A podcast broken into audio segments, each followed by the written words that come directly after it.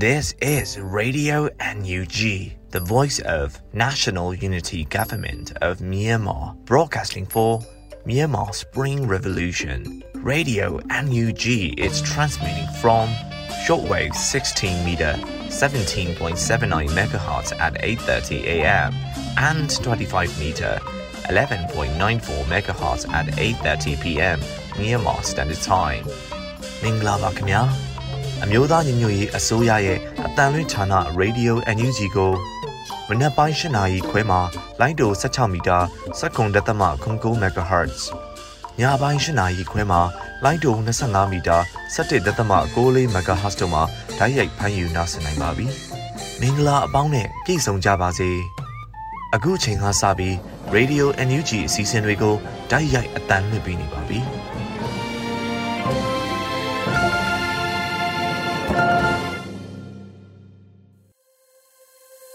မြန်မာနိုင်ငံသူနိုင်ငံသားအပေါင်းတဘာဝပြီးဆရာနာရှင်ဘေးတို့ကနေကင်းဝေးပြီးကိုစိတ်နှပါကြားမလုံးခြုံပေးကင်းကြပါစေလို့ Radio UNG အဖွဲ့သားများကဆုတောင်းမေတ္တာပို့သလိုက်ရပါတယ်ရှင်။အခုချိန်ကစပြီး Radio UNG မနခင်တရင်များကိုစိုးတေးလူနေကဖတ်ကြားတင်ပြပေးသွားပါမယ်ရှင်။မင်္ဂလာပါခင်ဗျာခုချိန်ရစပြီး2023ခုနှစ်ဒီဇင်ဘာလ22ရက်နေ့မနက်ခင်းပြည်တွင်သတင်းများကိုစတင်တင်ပြပေးပါတော့မယ် ပထမအဦးဆုံးအနေနဲ့ကျန်းဖက်စစ်ကောင်စီကိုစန့်ကျင်ခဲ့ကြတဲ့ပြည်ပရောက်မြန်မာရွှေပြောင်းလုပ်သားများကို NUG အစိုးရမှမှတ်တမ်းတင်ဂုဏ်ပြုလိုက်တဲ့သတင်းကိုတင်ပြပေးသွားပါမယ်။အကျန်းဖက်စစ်ကောင်စီကအခွန်ငွေကောက်ခံမဲ့အစီအစဉ်ကိုစန့်ကျင်ဆန္ဒပြခဲ့ကြတဲ့ပြည်ပရောက်မြန်မာရွှေပြောင်းလုပ်သမားတွေကိုမှတ်တမ်းတင်ဂုဏ်ပြုကြောင်းမြို့သားညီညွတ်ရေးအစိုးရကဒီဇင်ဘာလ20ရက်နေ့မှာထုတ်ပြန်လိုက်ပါတယ်။ ရွှေပြောင်းမြန်မာအလုပ်သမားများအနေနဲ့မိမိတို့ကြာရာနိုင်ရအခန်းကဏ္ဍကနေအကြံဖက်စစ်ကောင်စီတန်းလွှဲပို့ငွေများမရောက်ရှိစေရေးအချိန်ကိုက်ဆောင်ရွက်ခြင်းဟာဗန္နာရေးတိုက်စင်မှာတရတအားပါဝင်ခြင်းဖြစ်တဲ့အတွက်မြို့သားညီညွတ်ရေးဆိုရအနေနဲ့နိုင်ငံသီးသီးကိုရောက်ရှိနေတဲ့မြန်မာရွှေပြောင်းအလုပ်သမားတွေအထူးကျေးဇူးတင်မှတ်တမ်းတင်ဂုဏ်ပြုထိုက်ပါတယ်လို့ဖော်ပြထားပါတယ်။ အဖက်ဖက်ကမရှုမလရှုံနေနေတဲ့စစ်ကောင်စီဟာ၎င်းတို့တပ်ဆိုးရှည်ရေးနဲ့ပြည်သူလူထုကိုအကြမ်းဖက်တပ်ဖြတ်ရန်အရေးတကြီးလိုအပ်နေတဲ့နိုင်ငံခြားငွေဖြည့်ဆည်းနိုင်ရေးအတွက်ရွှေပြောင်းမြန်မာလူသမားတွေစီကနေအကွန်ခောက်ဖို့အစီအစဉ်နေတာနဲ့ပတ်သက်လို့ NUG အစိုးရကထုတ်ပြန်လိုက်တာဖြစ်ပါတယ်။အလုသမားဝင်ကြီးဌာနစစ်ကောင်စီဗဟိုဘဏ်စစ်ကောင်စီတောက်တိုင်ဗန်များပူးပေါင်းပြီးပြည်ပရောက်ရွှေပြောင်းမြန်မာလူသမားတွေတမာစီဝချွေးနှဲစာကိုအတင်းအာဓမခေါင်းပုံဖြတ်ရယူဖို့နီလန်းပေါင်းစုံနဲ့ကြိုးပမ်းဆောင်ရွက်နေတာဖြစ်တယ်လို့အသိပေးထားပါတယ်။ အကြံဖက်စစ်ကောင်စီကဩဂတ်စ်လ30ရက်နေ့ရက်စွဲနဲ့ညွှန်ကြားစာထုတ်ပြန်ပြီးရွှေပြောင်းလူသမားတွေရဲ့မိသားစုဝင်တွေထံငွေလွှဲငွေပို့တဲ့ကနေလစာရဲ့25ရာခိုင်နှုန်းကိုလစဉ်သို့မဟုတ်3လတစ်ကြိမ်၎င်းလို့သတ်မှတ်ထားတဲ့ငွေလွှဲဝန်ဆောင်မှုလုပ်ငန်းတွေကနေလွှဲပို့ကြဖို့ပြည်ပလုပ်ငန်းရှာဖွေရေးအကျိုးဆောင်အေဂျင်စီတွေကိုဖိအားပေးညွှန်ကြားခဲ့တာတွေ့ရှိရတယ်လို့ထုတ်ပြန်ချက်အရသိရှိထားရပါတယ်။ အခုလိုကောက်ခံတာကိုပြည်ပရောက်မြန်မာရွှေပြောင်းလူသားတွေကတရားဝင်မှုမရှိတဲ့ကျန်းဖတ်စစ်ကောင်စီရဲ့အမိန့်အာဏာကိုတော်လှန်လိုစိတ်ပြင်းစွာနဲ့တုံ့ပြန်ခဲ့တဲ့အတွက်အခုအခါမှာမြန်မာရွှေပြောင်းလူသမားတွေမြန်မာနိုင်ငံအတွင်းပြန်လည်ငွေလဲငွေဖို့ဟာရခင်ကထက်ဆယ်ပုံတပုံသာရှိတော့တာကိုလည်းလေးလာတွေ့ရှိရတယ်လို့အသိပေးထားပါတယ်။မြန်မာရွှေပြောင်းလူသမားတွေဆရာထက်သန်စွာအာဏာဖီဆန်မှုကြောင့်အကြမ်းဖက်စစ်ကောင်စီတွေနိုင်ငံခြားဝင်ငွေရရှိမှုတိတာစွာရောနိုင်ခဲ့ပြီးကြမ်းဖက်လုပ်ရများဆက်လက်ကျူးလွန်နိုင်ဖို့အကြက်တဲဆက်ရောက်စေခဲ့တယ်လို့ NUG ကထုတ်ပြန်သိပေးထားပါတယ်ခင်ဗျာ။ ဆက်လက်တင်ပြပေးမှာကတော့ဝါပြည်သွေးစည်းညီညွတ်ရေးပါတီတည်ထောင်ခြင်း35နှစ်ပြည့်သို့ကာကွယ်ရေးဝန်ကြီးဌာနမှတဝန်လာပေးပို့လိုက်တဲ့သတင်းပဲဖြစ်ပါတယ်။ဆီယနာရှင်စနစ်ပြုတ်ကြရေးနဲ့ Federal Democracy နိုင်ငံသစ်ပေါ်ပေါက်လာရေးအတွက်လက်တွဲညီညီလုပ်ကင်ဆောင်ရွက်ကြဖို့လိုကြောင်းဝါပြည်သွေးစည်းညီညွတ်ရေးပါတီတည်ထောင်ခြင်း35နှစ်ပြည့်သို့ကာကွယ်ရေးဝန်ကြီးဌာနမှတဝန်လာပေးပို့ခဲ့တယ်လို့သိရှိရပါတယ်။တဝင်လွာမှာယနေ့ကြားရောက်တဲ့ဝါပြည်သွေးစည်းညီညွတ်ရေးပါတီတည်ထောင်ခြင်း35နှစ်ပြည့်မှာဝါလူမျိုးများနဲ့တကွာဝါဒေတာအတွင်း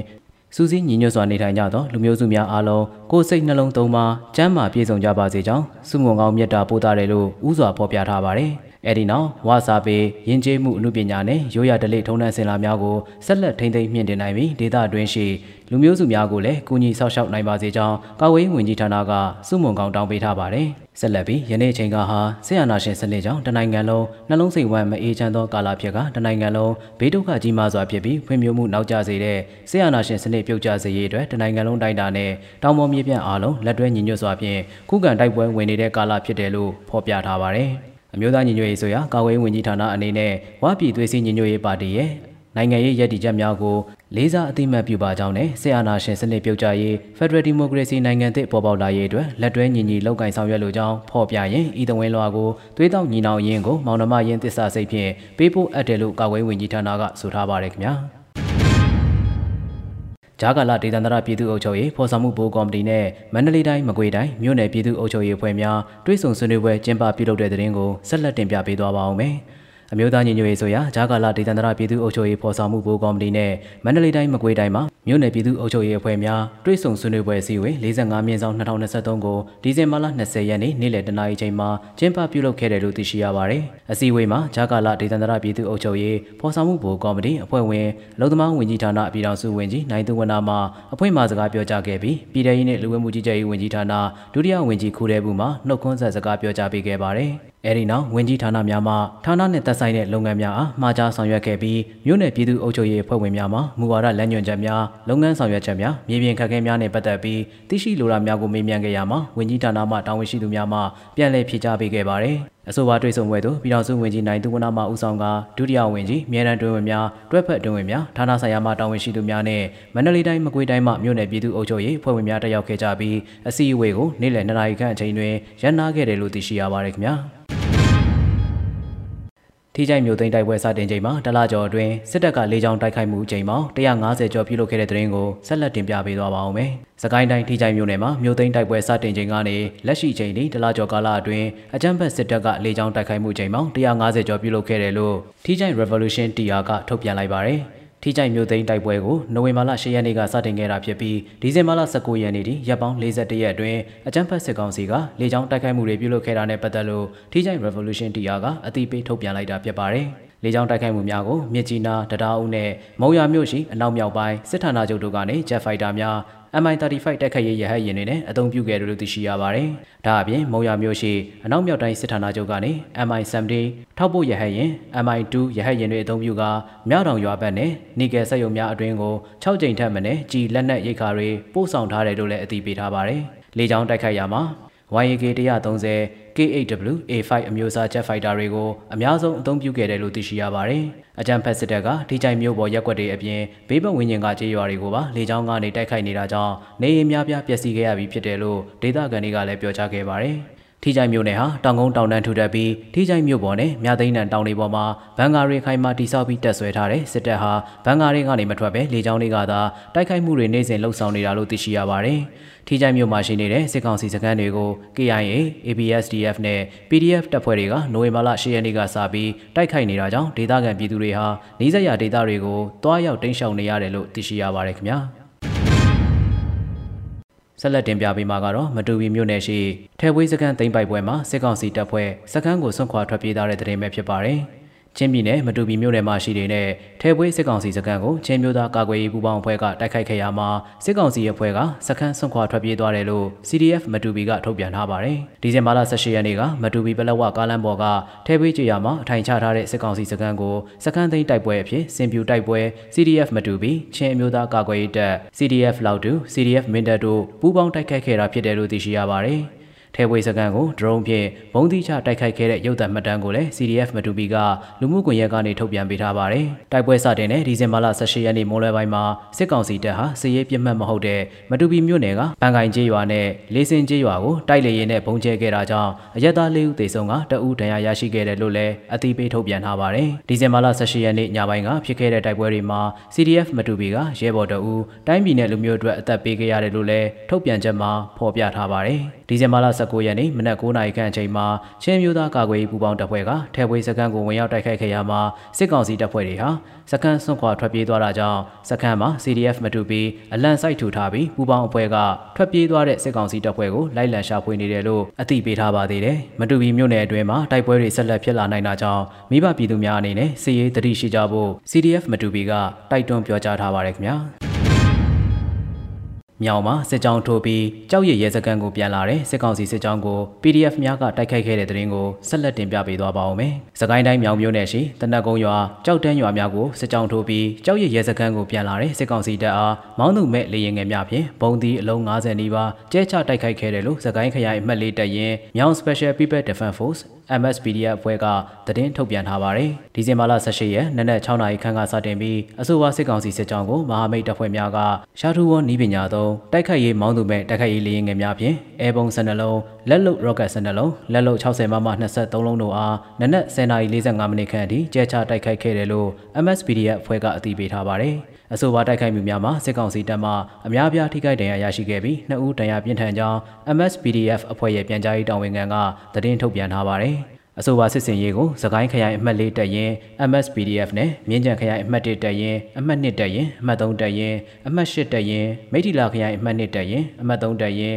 ကြောက် PDF ကြေးရွာတပ်ပေါင်းစုချင်းတွင်တပ်ပေါင်းစုဇုံစစ် MPDD LDF အောင်တပြေညီနောင်ကြောက်ဆယ် KTDM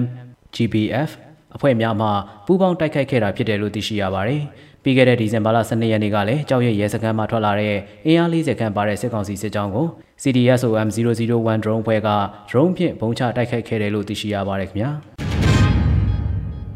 တထုံမြို့နယ်မှာစစ်ကောင်စီရဲ့လက်နက်ကြီးရန်တပ်ပစ်ခတ်မှုကြောင့်ကိုဝင်ဆောင်မျိုးသမီးတဦးသေဆုံးခဲ့တဲ့တဲ့ရင်ကိုဆက်လက်တင်ပြပေးသွားပါမယ်။ တထုံမြို့နယ်ကျုံမိန်ကျေးရွာမှာစစ်ကောင်စီတပ်ရဲ့လက်နက်ကြီးရန်တမ်းပစ်ခတ်မှုကြောင့်ကိုဝင်ဆောင်မျိုးသမီးတဦးလက်နက်ကြီးထိမှန်သေဆုံးခဲ့တယ်လို့ဒေသခံတွေကနေတစင်သိရှိရပါတယ်။ဒီဇင်ဘာလ19ရက်နေ့ည7:00နာရီဝန်းကျင်မှာတထုံမြို့နယ်အခြေဆိုင်စစ်ကောင်စီချင်းမြန်တပ်ရင်ခမရ24နဲ့အမြောက်တပ်အမတ432တို့မှာကော်လိုင်းကျေးရွာအုပ်စုဘက်ကိုလက်နက်ကြီးဖြင့်အချက်ရည်40နီးပါးပစ်ခတ်ခဲ့တယ်လို့ဒေသခံများကဆိုထားပါတယ်။ စစ်ကောင်စီရဲ့လက်နက်ကြီးပစ်ခတ်မှုကြောင့်ကော်လိုင်းကျေးရွာအုပ်စုကျုံပင်ကျေးရွာနေအသက်26နှစ်အရွယ်ရှိနော်ဖော်တမောမှာလက်နက်ကြီးကြီးထိမှန်ကတိတ်ဆုံးခဲ့တယ်လို့ဒေသခံများကပြောပြထားပါတယ်။ အဆိုပါတိတ်ဆုံးသူအမျိုးသမီးမှာကိုဝင်3လရှိနေပြီးအသက်3နှစ်အရွယ်ကလေးငယ်တဦးလည်းကြံရစ်ခဲ့တယ်လို့ဒေသခံကဆက်လက်ပြောပြခဲ့ပါတယ်။ပြီးခဲ့တဲ့ဒီဇင်ဘာလ9ရက်နေ့ကလည်းစစ်ကောင်စီအမြောက်တပ်အမတ314ကဘီလင်းမြို့နယ်နဲ့တထုံမြို့နယ်အတွင်းရှိကျေးရွာများကိုလက်နက်ကြီး23ချက်ထပ်မံနဲ့ပစ်ခတ်တိုက်ခိုက်ခဲ့ပြီးအဝန်းကြီးကျေးရွာနေအသက်46နှစ်အရွယ်ရွာသားတဦး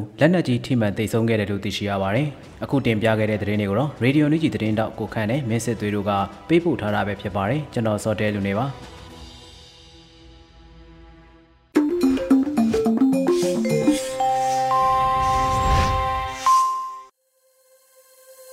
နခင်းတရင်များကိုနားဆင်ကြရတာဖြစ်ပါတယ်။ဆက်လက်ပြီးတော်လှိုင်းကြပြတစ်ပုဒ်ကိုနားဆင်ရဖို့ရှိပါတယ်။ကြည်ဟင်းရေးဖွဲ့ထားတဲ့တပြေပန်းတက်ဆိုတဲ့ကြပြကိုမြေအင်းဝကရွတ်ဖတ်ထားပါတယ်ရှင်။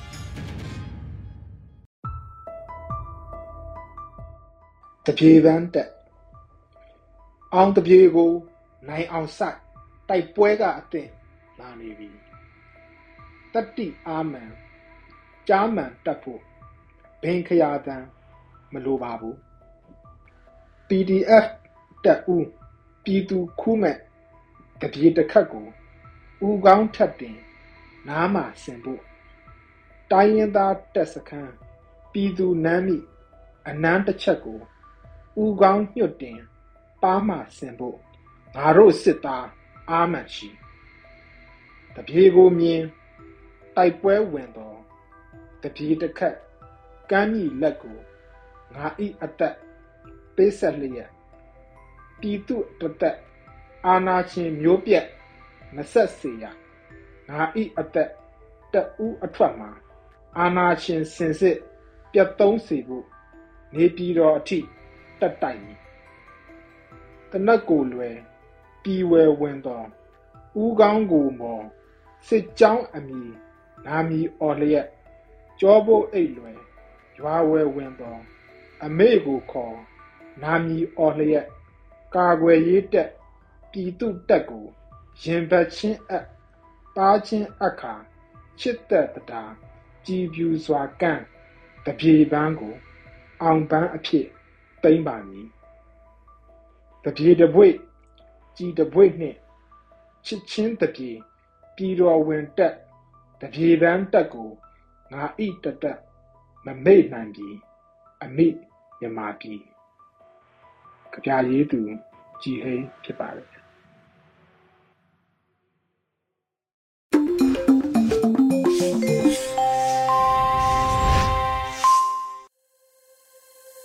ရေဒီယို UNG မှာဆက်လက်တမ်းလွှင့်ပေးနေပါတယ်။ဆက်လက်ပြီးတရုတ်အစိုးရခေါင်းဆောင်တွေနဲ့တရုတ်ပြည်သူတွေကိုတော်လှန်အင်အားစုအဖွဲ့250ကျော်က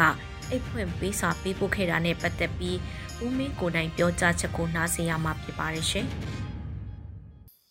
အခုဟာကခံစားချက်ကိစ္စမဟုတ်ဘူးဗျ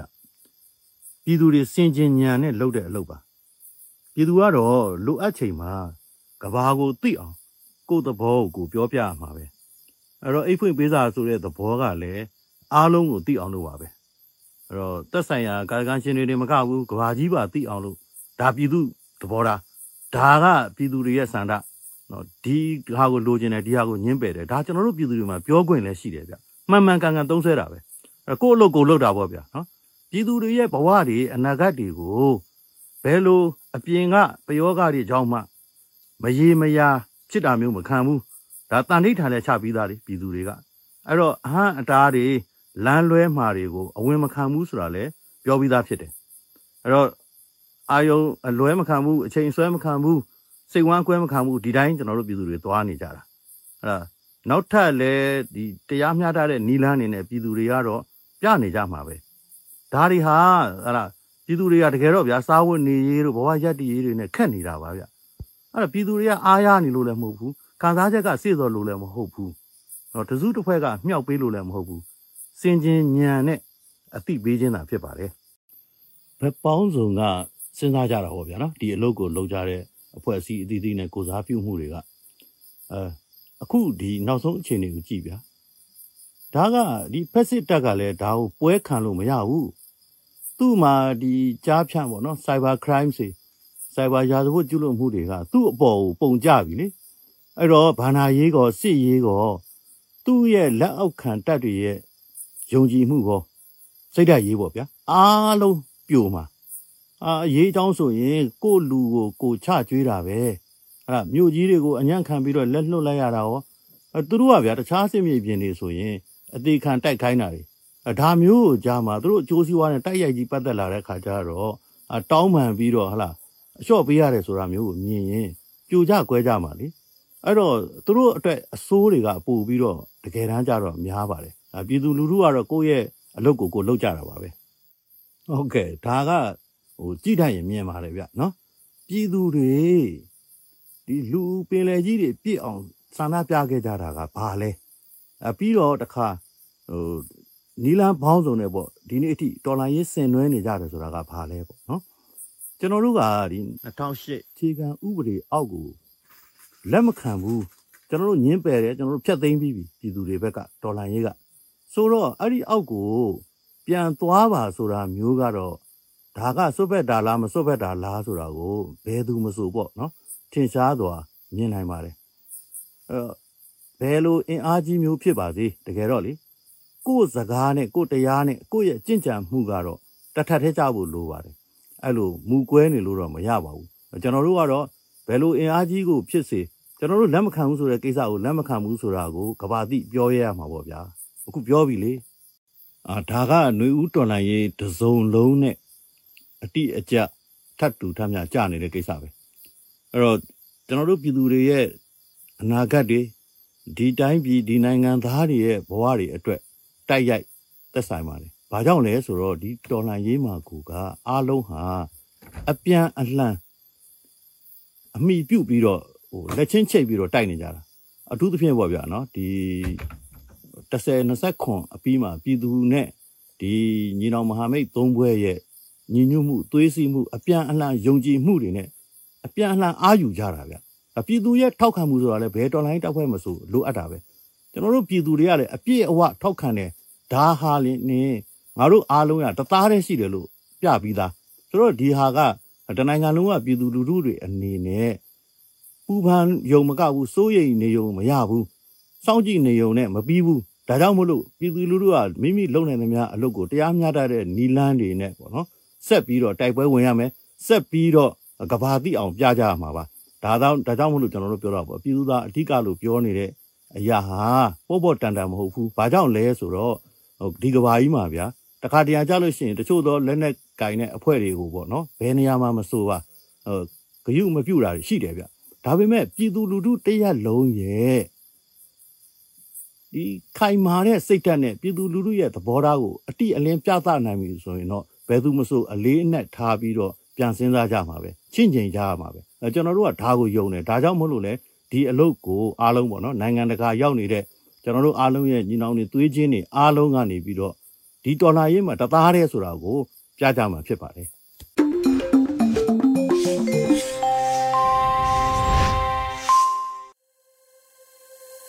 ယခုတခါတော်လှန်တီဂီတာစီစဉ်ကနေထုံးအော်နေတာရေးသားထားပြီး ကေတူးတီဆိုထားတဲ့သွေးစကားဆိုတဲ့ဒေသချင်းကိုနားဆင်ရမှာဖြစ်ပါတယ်ရှင်။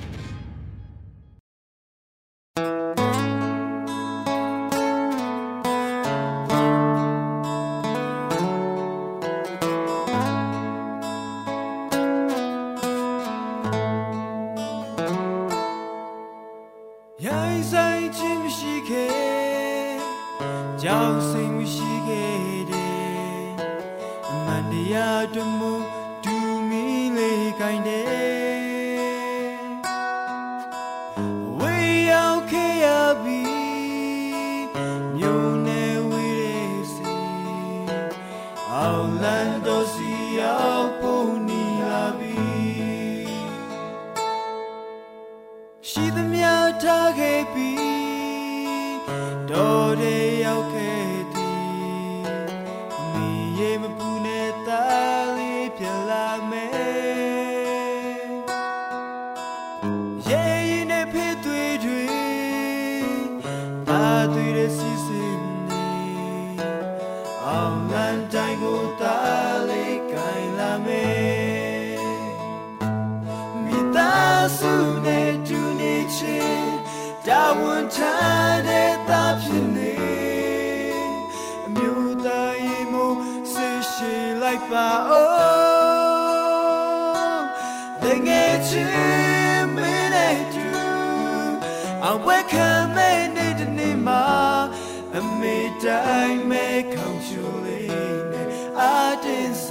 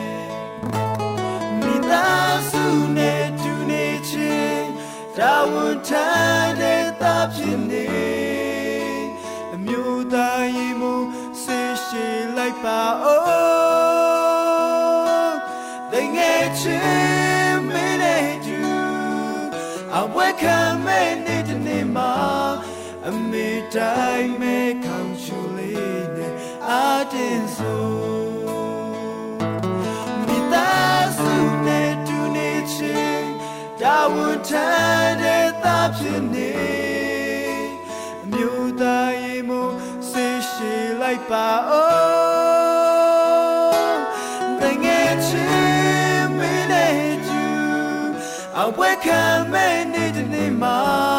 အမေတိုင်းမဲ့ခေါင်းရှူလေးနဲ့အတင်းဆို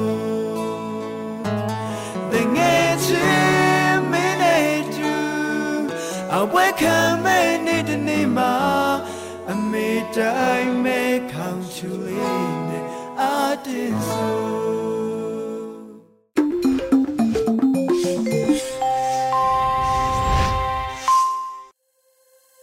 က်ပြီး PPTV ရဲ့နေ့စဉ်သတင်းများကိုနေချီကဖတ်ကြားတင်ပြပေးပါမယ်ရှင်။ခုချိန်ကစပြီး PPTV သတင်းတွေကိုတင်ဆက်ပေးတော့မှာပါ။ကျွန်မနေကြပါရှင်။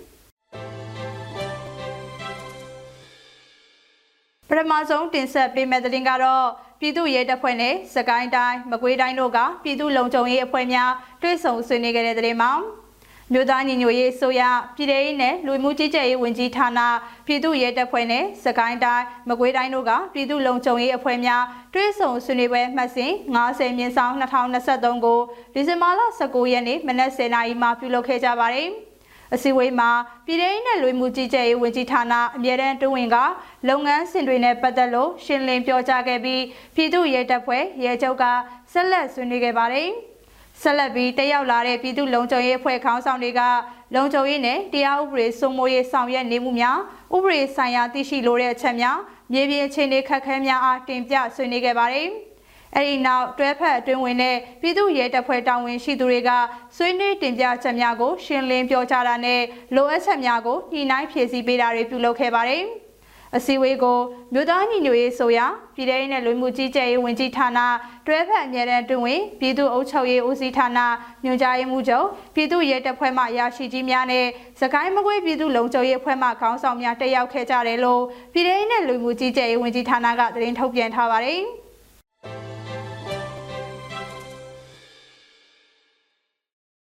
ဆက်လက်တင်ဆက်ပေးမှာကတော့စကိုင်းဖက်ဒရယ်ယူနစ်လွှတ်တော်နဲ့ တရားရေးဝန်ကြီးဌာနပြည်အောင်စုဝန်ကြီးဦးသိန်းဦးတို့တွေ့ဆုံဆွေးနွေးရတဲ့မှာ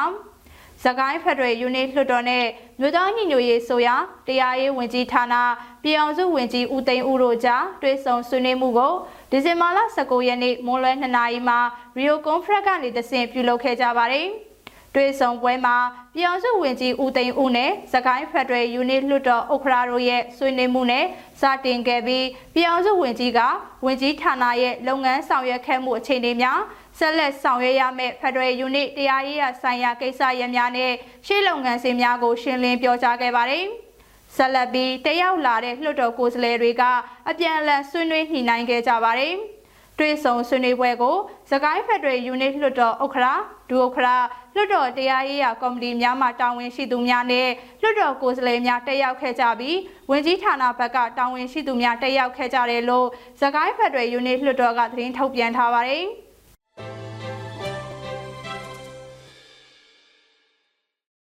ဆက်လက်တင်ဆက်ပေးမှာကတော့တန်လင်းမြေကမ်းဘေးကအကြမ်းဖက်စစ်တဲ့နှစ်30ကြာကျူးကျော်တက်ဆွဲထားတဲ့တပ်စခန်းအားလုံးကိုတော်လှန်ရေးပူးပေါင်းဖွဲ့များကပြန်လည်သိမ်းပိုက်ရရှိခဲ့တဲ့တဲ့မှာ ကော်တူလေးအုပ်ချုပ်နယ်မြေမူရောခရိုင်မြောက်ပိုင်းတန်လွင်မြေကန်ဘေးကအကြမ်းဖက်စစ်တပ်မှအနည်း30ကြာကျူးကျော်တပ်ဆွဲထားတဲ့တပ်စခန်းအလုံးကိုကရင်မျိုးသားလူမျိုးရေးတပ်မတော် KNL နဲ့ကရင်ဒီတော်လန်ရေးအဖွဲ့များကပြန်လည်သိမ်းပိုက်ရရှိခဲ့တယ်လို့ KNU ဗဟိုကဒီကနေ့ရက်စွဲနဲ့ထုတ်ပြန်ထားပါတယ်။အကြမ်းဖက်စစ်ကောင်စီတပ်ရဲ့ဖဲထားအနီး .939 မိုလိုကျိုတပ်စခန်းကိုကရင်မျိုးသားလူမျိုးရေးတပ်မတော် KNN နဲ့ကရင်နီတော်လှန်ရေးအဖွဲ့များက 2023ခုနှစ်နိုဝင်ဘာလ24ရက်နေ့မှာစတင်ထိုးစစ်ဆင်ခဲ့ပြီးအလုံးစုံသိမ်းပိုက်နိုင်ခြင်းမရှိဘဲဝိုင်းပတ်ပိတ်ဆို့ခဲ့ရာဒီဇင်ဘာလ16ရက်နေ့ဒုတိယအကြိမ်ထိုးစစ်ဆင်တဲ့အချိန်မှသာတပ်စခန်းအားလုံးကိုအလုံးစုံသိမ်းပိုက်ရရှိခဲ့တယ်လို့ဆိုပါတယ်။ဖဲထားအနီး .939 မိုလိုကျိုတက်စကန်ကကရင်နီပြည်ရဲ့ထိစပ်မှုမူရောခရိုင်နယ်မြေအတွင်းမှာတည်ရှိတဲ့တက်စကန်တစ်ခုဖြစ်ပြီးထိုတက်စကန်အောက်ဖက်မှာ စောထားတီမူထားတက်စကန်တည်ရှိပြီးကရင်မျိုးသားလူမျိုးရေးတပ်မတော် KNL က2021ခုနှစ်မတ်လ29ရက်နေ့မှာတီမူထားတက်စကန်ကိုတင်ပိုက်ရရှိခဲ့တာပါ။တရားမှုကိုစန့်ကျင်သောတွေ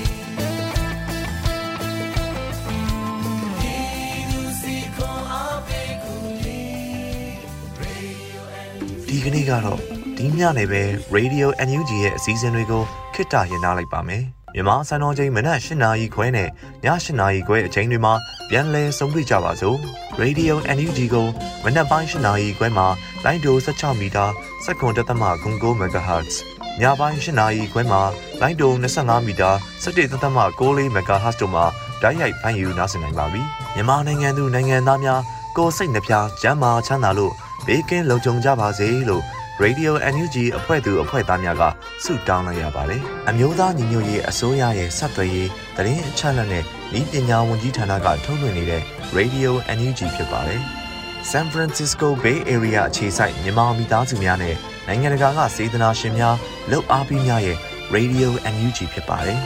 ။အရေးတော်ပုံအောင်ရမည်